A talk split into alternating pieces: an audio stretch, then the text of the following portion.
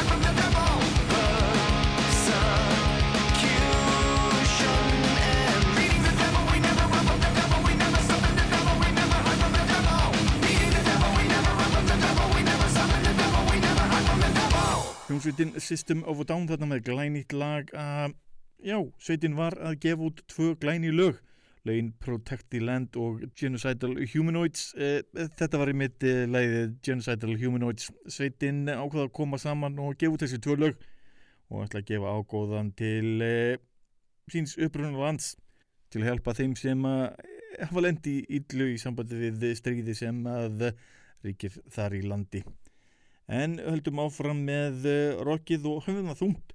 Söngvarinn Félal Selmo og félagar hans í ljónsveitinni Skár og senda frá sér eh, nýtt lag. Sveitin er að senda frá sér plötuna Black EP og gefa út eh, nokkrar EP-plötur. Þetta er helviti þungt og þetta er helviti skemmtilegt. Leifkur að njóta Félal Selmo og mikla börsins úr Game of Thrones, Móma held ég hann heitir. Þeir hefur við lagið Skár með lagið Doom.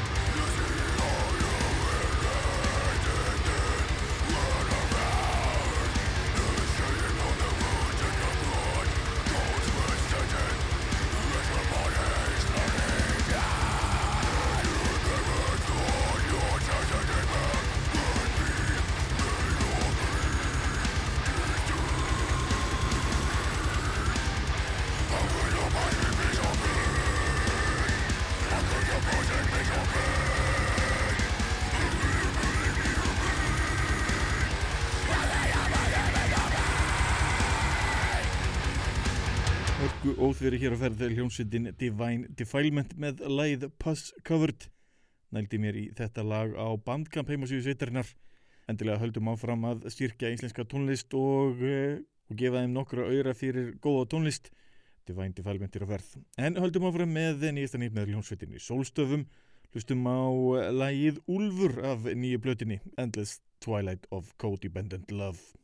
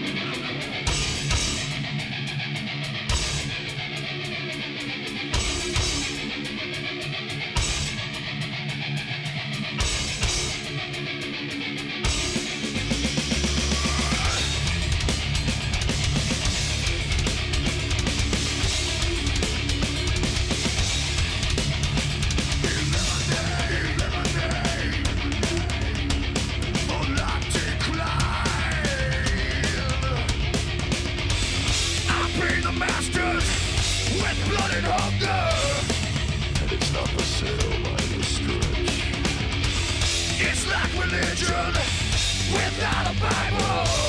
And the dragon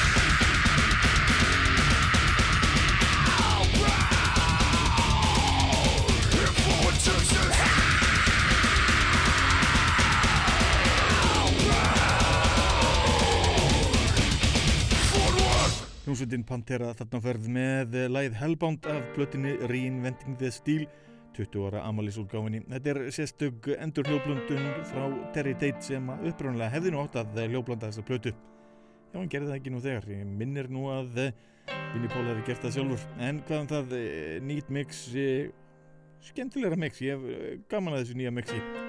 En uh, það er ekki mikið eftir, þannig við förum bara beint yfir í uh, annar lag með uh, hljómsveitinni Sólstóðum. Þetta er ekki í blötunni, þetta er lagið Or.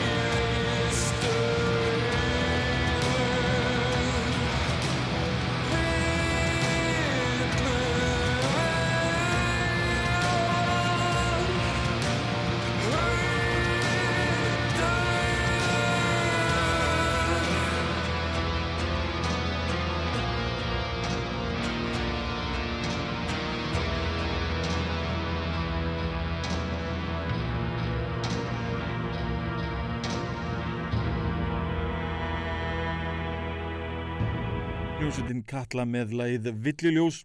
Þetta lag er tekið af tilvonandi breyskjöfu sveitarnar allt þetta helvítis myrkur en þessi plata kemur út uh, núna í vikunni 13. november. Þetta verður rosalega gaman að fá að heyra restina þessari plötu. E, Áðurlega eftir að taka hana fyrir hér eins og allar íslenska plötur sem ég fæ. Talandum um íslenskt að enda þáttinn á eh, þvílíkri þrennu.